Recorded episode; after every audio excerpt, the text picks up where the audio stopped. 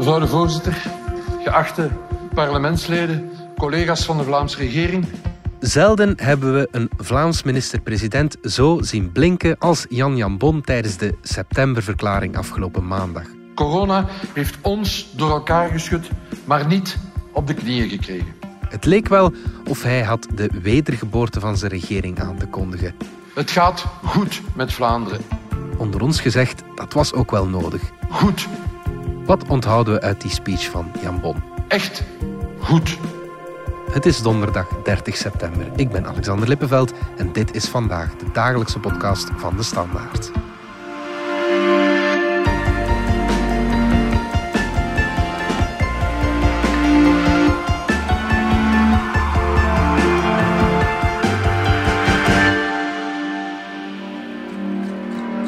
Matthias Verbergt van de Wedstraatredactie. Ja, we hebben onze Vlaamse regeerders zelden zo uh, tevreden gezien als nu. Hè? Ja, het viel op. Jan Bon uh, straalde wel. Als u mij een half jaar geleden de huidige stand van het land had aangeboden, ik had er meteen voor getekend. Meteen. Hij heeft ook wel reden om redelijk tevreden te zijn op dit moment. Hè. De Vlaming en Vlaanderen is toch redelijk goed uit die coronacrisis uh, gekomen. Ja die overigens eh, Vlaanderen ook een beetje als eh, afgelopen beschouwt. Meer dan 90% van de volwassenen is tot twee keer toe gevaccineerd. Dezelfde goede trend zien we bij de jongeren. Daardoor kunnen we in Vlaanderen vandaag weer vrij leven. Ook op economisch vlak doen we het goed. Het gaat goed met onze economie. De relance pakt wel. Dit jaar zal de Vlaamse economie groeien met maar liefst 5,7 procent en stilaan weer het niveau bereiken van voor de coronacrisis. Het contrast met vorig jaar was heel groot. Als je bedenkt dat we vorig jaar nog een krimp van 6,1 procent noteerden. En de werkloosheid bijvoorbeeld in Vlaanderen is opnieuw zeer laag. De tewerkstelling, onze arbeidsmarkt herstelt zich sneller dan verwacht. Dus um, ja, er was wel reden om optimistisch te zijn. Er zat ook nog eens wat meer volk in het Vlaams parlement. Dat zal hem ook wel deugd gedaan hebben. Ja. De Vlaamse regering lijkt wel ja, terug te zijn van weg geweest. We hebben ze wel even niet gezien. Hè. Ze opereerden wat in de luwte. Ja, anderhalf jaar corona heeft de Vlaamse regering eigenlijk niet zoveel deugd gedaan. Ze moesten ondergaan en aanvaarden dat het besturen of het beheren van die crisis eigenlijk op federaal niveau zich afspeelde. Dat was vaak frustrerend. Ze waren dan wel betrokken via het overlegcomité. Ja, dat was voorheen bij die crisis, hoe heette dat? De Nationale Veiligheidsraad. Ja, daar was dat niet het geval. Hè? Ja. Veel minder. minder ja. um, en bij het overlegcomité, dat is echt het orgaan dat het overleg organiseert tussen die regeringen, waren ze wel, of zaten ze wel aan tafel. Ja. Maar ja, waren ze maar één van die velen ja. die daar zaten. En dat bracht Jan Bon in een hele moeilijke positie, omdat hij enerzijds moest zeggen, ja, ik was erbij, dus ik draag mee verantwoordelijkheid en de stempel van die beslissingen. Ja. Maar anderzijds had hij onvoldoende kracht om die beslissingen te sturen Ja. in zijn richting. Tijdens de pandemie konden we niet de eerste viool spelen. Wat het eh, moeilijk maakte om ja, ze te verdedigen en tegelijkertijd ook om er openlijk kritiek op te hebben. Dus de Vlaamse regering moest zich eigenlijk heel stilletjes, vaak in een hoekje wegstoppen, Ja. als die eh, maatregelen aangekondigd werden. Ja, ja, ja, de enige die we af en toe wel zagen, dat was Ben Wijts. Weken, maanden met het onderwijsveld, zij aan zij, gezweet en gezwoegd. om te kunnen starten op 1 september zonder die mondmaskerplicht in de klas. We zijn natuurlijk blij dat de scholen terug heropstarten. Kinderen en scholen zijn niet de motor van het virus. Als er twijfel is, geef dan tenminste het voordeel van de twijfel aan onze kinderen. We vertrekken van het garanderen van het recht op leren en we kiezen voor kinderen. We moeten kinderen vooral opdraaien omdat sommige volwassenen zich niet willen vaccineren. En dat vind ik geen juiste verhouding. Kinderen treffen om winkels open te houden, dat begrijp ik niet. De regels zijn eh, één streng, twee ze zijn complex. De IKEA open en de scholen toe. En ze zijn in sommige gevallen moeilijk verdedigbaar. Dat is niet mijn visie op de samenleving. Het is een slechte zaak voor onze kinderen, een slechte zaak voor ons onderwijs. Het zal ons niet tegenhouden om te blijven vechten voor het belang van scholen, kinderen en jongeren. Die eh, kon zijn voet wel eens tussen de deur steken. Ja, die heeft zich eh, heel vocaal geuit, wat ook eenvoudiger is voor hem, omdat hij niet rechtstreeks aan die tafel van het overlegcomité zit. Hij kan ons als een soort lobbyist proberen om zijn voorstellen daardoor te krijgen, terwijl Jan Bon toch meer ja, ook op het einde de consensus eh, gaat moeten verdedigen, wat hij ook steeds heeft gedaan. Ehm, dus inderdaad, Wijts heeft voor zijn onderwijs dan wel een aantal uh, opvallende, opvallende zaken kunnen, kunnen binnenhalen. Ja, ja, ja. Laten we eens kijken naar die septemberverklaring. Daar zitten wel een paar in het oog springende maatregelen in. Hè? Ja, de bedoeling was dus om een uh, begrotingstekort van 1,8 miljard euro. 1,8 miljard euro. Stilaan weg te werken. Deze legislatuur halveren. We gaan de helft doen in 2024. Dus tegen 2024 moeten we 900 miljoen netto minder uitgeven dan vandaag. Ja. Om dan in 2027 uh, terug uh, op nul te eindigen in balans. Uiterlijk in 2027 zal Vlaanderen opnieuw aanknopen bij begrotingsevenwicht. En, en plaats het eens in perspectief, die cijfers, want dat klinkt natuurlijk heel veel voor de modale man, maar wat is dat voor de Vlaamse regering? Is dat een groot tekort? Of, uh... Voor de Vlaamse regering valt het eigenlijk zeer goed mee. Ja, Als je dat vergelijkt met andere deelstaten, is dat tekort veel en vele malen hoger.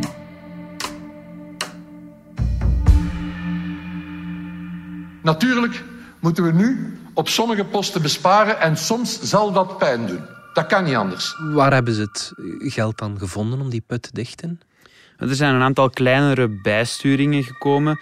Onder meer um, de jobbonus. Dat is eigenlijk een maatregel die de Vlaamse regering volgend jaar wilde invoeren voor lage lonen. Mensen die begonnen te werken, die zouden wat meer netto krijgen. Daarom hebben we beslist om een jobbonus toe te kennen aan mensen met een zeer laag inkomen. Daar wordt wat bespaard. Het groeipakket, de kinderbijslag eigenlijk, ja. die gaat iets minder omhoog. In plaats van 2% per jaar gaat er maar 1% per jaar bij aan de sociale toeslag. Dus voor mensen die lage inkomens hebben, daar verandert niks aan. Zij krijgen wel de volledige indexering. Oké. En er zijn ook een aantal zaken waar dan niet aan geraakt is. Hè. Bijvoorbeeld de dienstenchecks. Wij zorgen ook voor een structurele oplossing voor onze 100.000 huishoudhulpen en de dienstencheck-ondernemingen. Het gaat om zij die meer dan 750.000 Vlamingen ondersteunen in hun huishouden. Die dienstenchecks die krijgen wat meer geld van de Vlaamse regering toegestopt, maar het zal voor de eindgebruiker uh, geen cent meer kosten. Daarom maken we middelen vrij om de inruilwaarde van de checks eindelijk volledig te indexeren. Waar het meest om te doen is, zijn die registratierechten voor wie een nieuw huis koopt, die gaan wat naar beneden. Ja, het uh, kost dus momenteel 6% als je een uh, huis koopt. 6% van de aankoopprijs dat je als belasting, als registratierecht betaalt. De coronacrisis heeft de prijzen van de woningen de hoogte ingeduwd.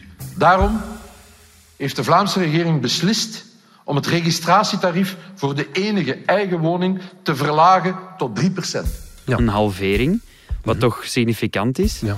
Ter compensatie daarvan gaat het registratierecht bij de aankoop van een tweede woning... Tweede, derde, vierde en ga zo maar verder. ...naar 12 procent, van 10 naar 12. Ja. En dat zou een break-even moeten opleveren. Hè. Zouden ongeveer evenveel moeten kosten als dat het oplevert. Ja, ja, ja. Een addertje onder het gras uh, wel is dat de meeneembaarheid... Het systeem van de meeneembaarheid... ...van die registratierechten verdwijnt. Dat is een beetje technisch, maar als je een huis koopt, mm -hmm. je verkoopt het daarna terug en je koopt een nieuw huis, dan kon je de registratierechten die je had betaald voor een deel meenemen naar die nieuwe aankoop. Zodat Ja. je niet opnieuw de volledige som moest betalen. Dat uh, verdwijnt vanaf 2024. Ja. Die schaffen we geleidelijk af. In de inleiding op ons gesprek had ik het over een wedergeboorte van de Vlaamse regering. Maar ja, als ik dit nu zo allemaal hoor, dat zijn toch relatief bescheiden ingrepen allemaal. Hè? Ja, het is waar. Het is ook het opstellen van een begroting. Hè. Het is niet een, een nieuw regeerakkoord of zo dat uh, zou geschreven worden. En met die daling van de registratierechten was er toch wel een grote verrassing. Hè? Want je moet weten, eigenlijk die registratierechten die komen oorspronkelijk een aantal jaren geleden van 10%. Dan zijn die bijgesteld naar onder, Ja. naar 7 en nu naar Ja, op- 3. Op een drietal jaar is dat systeem twee keer hervormd geweest. Ja, ja. Dat is toch een grote ja, verrassing die, die wel werd aangekondigd en die toch voor veel Vlamingen met de baksteen in de maag toch wel belangrijk is. Zit er eigenlijk een lijn in, die, in al die beslissingen? Het valt wel op dat de middenklasse wordt gespaard. Hè. Ten eerste al met die eh, dienstenchecks. Eh, er was toch sprake dat die een stukje duurder zouden worden voor de gebruiker. Of tenminste dat de aftrekbaarheid zou dalen, hè, dat je er minder geld van kan recupereren via je belastingaangifte. Dat is niet gebeurd. Het is een typisch product eigenlijk dat gebruikt wordt door twee verdieners om een aantal huishoudelijke taken uit te besteden. Ja. Maar er vallen ook wel wat andere kanttekeningen te maken bij de keuzes die gemaakt zijn. Bijvoorbeeld die jobbonus. Mhm. Er was een expertenrapport dat zei dat dat misschien toch niet de beste methode was om meer mensen aan het werk te helpen. Die algemene jobbonus voor alle startende werknemers. Dus ja, men heeft daar wel gekozen voor een aantal maatregelen die misschien beleidsmatig eh, de allerbeste waren volgens experts. Ik ben Catherine de Kok en ik wil je graag warm maken voor Radar, de wekelijkse cultuurpodcast van De Standaard. Deze week heb ik het met muziekredacteur Nick Deleu over de nieuwe plaat van Stikstof. Dat is het hip-hop-collectief van onder andere Zwangere. En Familie Boven Alles is een album waar die stoere mannen van Stikstof zich misschien van hun meest zachte kant laten zien. En over stoere venten gesproken, James Bond is terug. Twee jaar lang werd de film uitgesteld, maar nu is No Time to Die eindelijk in de zalen. Het is de laatste film uit de reeks met mijn favoriete Bond, Daniel Craig. Maar uh, wat moeten we nu eigenlijk vinden van James Bond? Filmrecensent Jeroen Struis komt vertellen of 007 nog bestaansrecht heeft. Dus zeker luisteren vanaf zaterdag in Radar. Radar. Radar. Radar. Radar.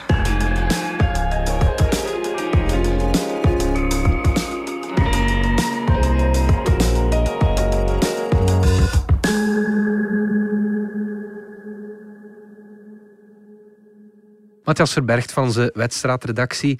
Wat mij ook opviel is een heel erg zware uitval naar 3M, het bedrijf in Zwijndrecht dat uh, met die PFOS-kwestie in het nieuws gekomen is. Jan Bon was erg scherp, hè? Ja, Jan Bon was heel scherp. Hij zei de tijd is voorbij. Dat bedrijven onze omgeving ongestraft kunnen vervuilen of verontreinigen. Gedaan dus met praktijken die leiden tot PFOS en andere smurrie in onze rivieren en in onze grond. Dat is taal die je misschien niet meteen uh, gewend bent van een minister-president, zeker als je de vorige nog in je hoofd hebt, uh, Geert Bourgeois. Inderdaad. Maar uh, het valt wel op dat klimaat voor de NVA, de partij van Jan Bon, een thema wordt dat ze onmogelijk nog kunnen wegzetten als een links thema. Meer groen, meer bos, meer natuur, meer biodiversiteit en meer duurzame landbouw.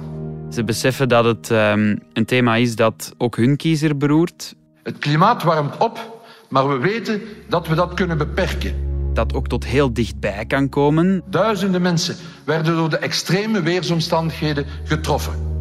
Ja, je ziet dat het klimaatthema wel iets is dat de N-VA de komende jaren zeker zal opnemen en, en behorend tot de kern van, van de ideologie van de partij. En is die, ja, die bocht, zeg maar, dat is misschien een groot woord, maar is die ingezet door Zohal Demir, de omgevingsminister in de Vlaamse regering? Ja, je hoort wel dat Demir um, achter de schermen daar aan trekt, maar het blijft wel zo, en dat geldt voor Demir en ook voor de N-VA, dat een heel grote rol heeft gespeeld dat bijvoorbeeld de hele bedrijfswereld die omslag ook heeft gemaakt. Je ziet dat ze altijd spreken over doordachte, realistische maatregelen. Doordachte en realistische maatregelen. Die in lijn zijn met wat haalbaar is. En ja, de bedrijfswereld is zich daar enorm bewust van. De VOCA's van deze wereld en andere. Het is zeker niet zo dat de NVA nu plots de meest groene partij is van allemaal, of dat ze in de voetsporen van, van groen zelf aan het treden is. Maar het valt wel op. En de Vlaamse regering kan ook moeilijk anders, hè, want ze legt zichzelf een aantal doelstellingen op van reductie die we niet halen. Die moeten we halen en die zijn dan eigenlijk nog te weinig om het federale niveau van minder uitstoot aan broeikasgassen te halen. En die zijn op hun beurt dan wellicht ook nog te weinig om het internationale regels te volgen. Hè. Je hebt dan die VN-klimaatop in Glasgow die er aankomt uh, in november. Dus uh, het Vlaamse niveau kan daar niet met lege handen aankomen. We haalden Wijts en Demir al aan, twee N-VA-ministers die zich ja, in de kijker uh, konden stellen. Ook voor Wouter Beke had Jan-Jan Bon bloemetjes. Hè? Ja, en het is zo dat um, Wouter Beke natuurlijk uit van redelijk ver komt. Hè. Ik kreeg enorm veel kritiek, vooral tijdens de eerste golf van uh, de coronapandemie. Toen bleek dat de woonzorgcentra enorm veel overlijdens ja. moesten aanvaarden. En daarna was er dan die vaccinatiecampagne, die in het begin eigenlijk ook, we vergeten dat wel eens, niet zo goed liep. Mm. Uh, we, we, waren daar redelijk traag ten opzichte van andere landen. Mhm. Maar we hebben dat wel heel sterk ingehaald en Vlaanderen heeft nu een van de hoogste vaccinatiegraden ter wereld. Meer dan 90% van de volwassenen is tot twee keer toe gevaccineerd. En je ziet ook wel dat Beek daar goed van heeft kunnen eh, herstellen op die manier. Hij heeft zijn reputatie daardoor ook wel wat eh, kunnen opkrikken. Wat hij nu wel ook als minister van Welzijn heeft moeten aanvaarden, is dat die eh, indexering op het groeipakket niet volledig wordt doorgevoerd, dus op de kinderbijslag. Ja. Dat is toch een thema dat CD&V heel na aan het hart ligt, die gezinnen. Dus in die zin was het niet ehm, 100% succes voor hem. Maar ja, je ziet wel dat Beke een beetje af is van dat imago, dat alles wat hij aanraakt verandert in lood. Ja, we zeiden het al, de Vlaamse regering doet alsof het een eh, wedergeboorte viert. En hetzelfde geldt misschien wel voor Jan Jambon. Want ook binnen zijn partij eh, valt af en toe te horen dat hij zich moet herpakken. Ja, ik had het daarnet ook eh, over het feit dat de Vlaamse regering redelijk onzichtbaar was Mhm. tijdens eh, die coronapandemie. Dat geldt eens te meer, denk ik, ook voor Jan Jan Bon. Ja. Jan Jan Bon, die eigenlijk voor de N-VA, sterke Jan, hè, de, de iets wat grijzere Geert Bourgeois moest gaan opvolgen en dat Vlaamse niveau echt een gezicht geven. Ja. Dat is ook nodig voor de N-VA, omdat die partij het net moet hebben van de slogan wat wij doen, doen we beter. En als het federaal niet goed loopt, dan hebben we tenminste nog het Vlaamse niveau om op te rekenen, hè, waar, waar een, een slagvaardige regering staat die alle problemen aan kan. Mhm. Dat bleek niet zo te zijn tijdens de coronapandemie. En zeker nu de federale regering ook wel crisis na crisis te verwerken krijgt, wil de N-VA des te meer zich onderscheiden door op dat Vlaamse niveau wel goed te besturen. Ja. En dus is het nu echt aan Jan Jan Bon om te tonen dat dat mogelijk is. Mhm. Met nota bene diezelfde partijen die federaal eh, ook meedoen, hè, waar federaal de N-VA de, de, de degens mee kruist. Dus Ja. dat is niet eenvoudig. Is Jan Bon dan geen crisismanager zoals hij dat na de aanslagen van, eh, in ons land een aantal jaar geleden ja, toch wel is geweest? Ja, daar heeft eigenlijk zijn grote populariteit aan te danken gehad, aan die aanslagengolf in 2015, 2016 in ons land en Europa. Toen kwam hij over als een, eh, een echte staatsman, iemand die het land ehm, als bijna een soort vaderfiguur veilig kon houden. Ja. Je merkt dat toen die crisis volledig op zijn lijf geschreven was. Mhm. Ook inhoudelijk heel veel van zijn interesse wegdroeg. Dat is minder eh, bij deze gezondheidscrisis. Dat hoor je ook binnen de Vlaamse regering, binnen de N-VA, dat ja, zo'n corona, zo'n gezondheidscrisis toch iets minder zijn ding is. Ook die bevoegdheden die op het Vlaamse niveau zijn, zijn toch allemaal iets wat, ja, wat saaier, wat bureaucratischer, wat technischer ook. Jan Bon is ook echt geen technische politicus. Hij moet het hebben van de grote lijnen, eh, de strategische visie. Ja. Minder van de, ja, tot in de puntjes kennen van alle mogelijke Vlaamse regels over eh, wat dan ook. Zoals Bourgeois wel was. Hij was iemand die daar heel, heel beslagen in was. Dus in die zin vloekt de rol van Jan Bon soms wel met dat Vlaamse niveau. ja. Hij stond natuurlijk ook op de federale lijst in 2019. Hij was hè. kandidaat premier, Ja. laten we dat niet vergeten. Ja, ja, En de. Wever kandidaat minister-president. Ja, en zie je hem er nog een termijn bij doen? Als minister-president? Kijk, het is moeilijk te voorspellen, hè, maar bij de volgende verkiezingen is eh, Jan Bon 64. Mhm. En ja, de N-VA heeft ook wel een aantal mensen klaarstaan die al wel even in, in de wachtkamer staan om, om zo'n job eh, op te nemen. Ik denk aan iemand als Ben Wijts bijvoorbeeld, Mhm. die nu vice-minister-president is, die ook opgeklommen is van ooit medewerker en woordvoerder twintig jaar geleden naar eh, vandaag. Ja. En dan iemand als Soual Demir, die natuurlijk nog een, een aantal jaar jonger is, maar die toch wel heel erg veel aandacht naar zich toe kan zuigen en misschien wel dat Vlaamse niveau een soort ehm, gezicht kan geven dat eh, Jan Bon en zeker Bourgeois moeilijker ingeslaagd zijn. Mhm. Dus er zijn wel een aantal opties. Hè. Het is moeilijk te voorspellen, maar je hoort al wel binnen de partij af en toe van kijk, zo'n tweede termijn als Vlaamse minister-president, dat is geen garantie. Ja. Twee jaar later dan verhoopt zijn we klaar voor de Roaring Twenties. Zo uitdagend en zo inspirerend. Ik vraag u allen om hier enthousiast aan mee te werken. Matthias Verbergt, dankjewel. Ik dank u. Graag gedaan. Dit was vandaag de dagelijkse podcast van De Standaard. Bedankt voor het luisteren. Ken je trouwens DS Podcast al, de podcast-app van De Standaard? Daar luister je niet alleen naar onze journalistieke reeksen, je krijgt ook elke week een eigenhandige selectie van de beste nieuwe podcasts op de markt. Alle credits van de podcast die je net hoorde vind je op standaard.be-podcast.